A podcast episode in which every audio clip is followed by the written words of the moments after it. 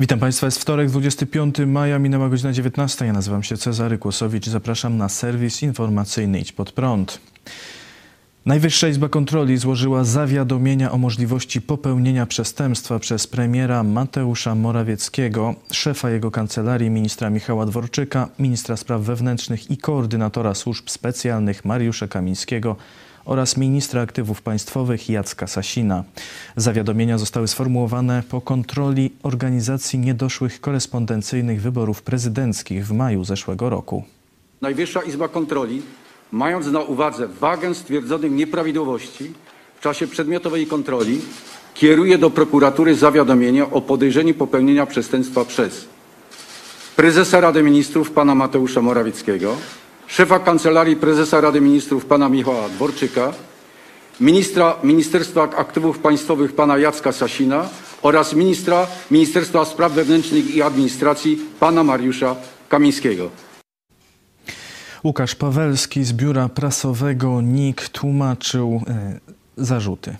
Najwyższa Izba Kontroli stoi na stanowisku, że prezes Rady Ministrów Mateusz Morawiecki, wydając dwie decyzje administracyjne, dokonał tego bez podstawy prawnej. De decyzje te de facto powierzały przygotowanie wyborów, które miały odbyć się 10 maja 2020 roku podmiotom do tego nieuprawnionym.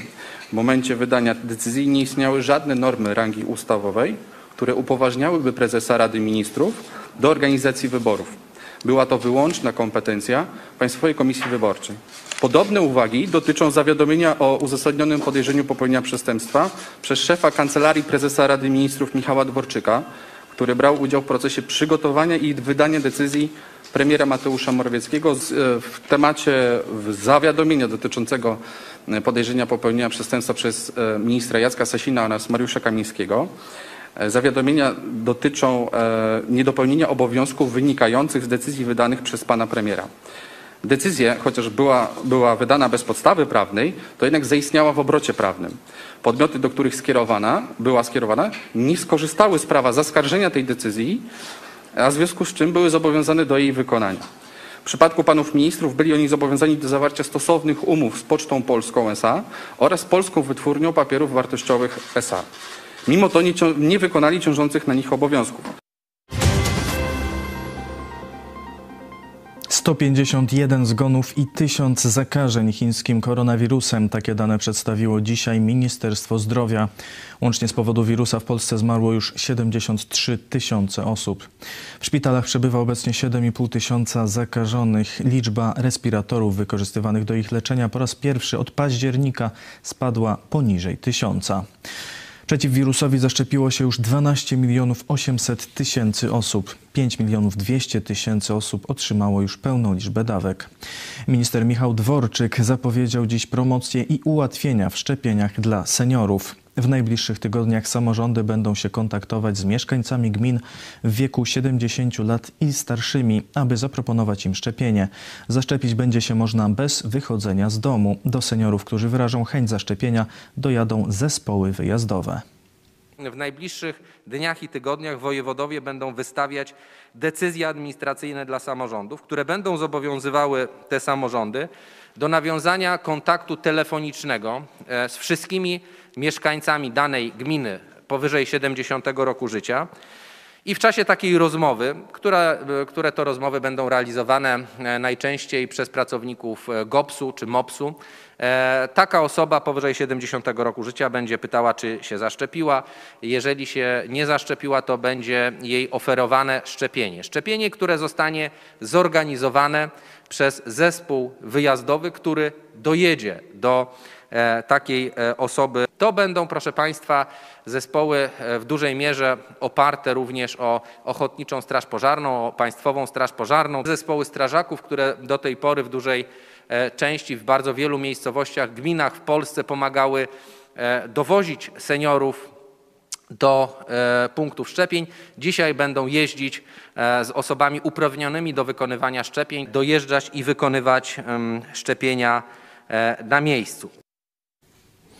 Minister Dworczyk ogłosił też, że szczepienie drugą dawką będzie mogło odbyć się w innym punkcie niż pierwsze. Od 1 lipca szczepienia drugą dawką będą odbywały się w dowolnym punkcie. Do tej pory wiele osób zwracało uwagę na to, że zaszczepili się pierwszą dawką w jednym punkcie, chcieliby się zaszczepić w innym. To było niemożliwe albo trudne. Teraz myślę, że to będzie zwłaszcza istotne w okresie wakacyjnym. Od 1 lipca takiego problemu już nie będzie. Każdy, kto zaszczepił się pierwszą dawką, będzie mógł znaleźć sobie termin w dowolnym innym punkcie i się zaszczepić e, drugą dawką. Minister zapowiedział także, że od czerwca dostawy szczepionek firmy Pfizer do Polski będą podwojone. Polski rząd negocjuje z Czechami w sprawie kopalni Turów. Premier Mateusz Morawiecki przedstawił dziś na konferencji wyniki rozmów z premierem Czech Andrejem Babiszem w sprawie kopalni węgla brunatnego w Turowie. Trybunał Sprawiedliwości Unii Europejskiej na wniosek Czechów nakazał kilka dni temu wstrzymanie wydobycia w kopalni. Mamy przede wszystkim uzgodnione wytyczne do umowy. Wczoraj zespół negocjacyjny uzgodnił wytyczne do umowy. O tych wytycznych też rozmawiałem z panem premierem Babiszem. I jeżeli ta umowa zostanie zaakceptowana, a wszystko na to wskazuje, to mamy w zasięgu ręki polubowne załatwienie tego sporu. E, myślę, że dobrym potwierdzeniem tego jest akurat konferencja, którą teraz pan e, e, marszałek województwa dolnośląskiego oraz hetman kraju liberackiego właśnie przedstawili jakby no na konferencji swoje uzgodnienia.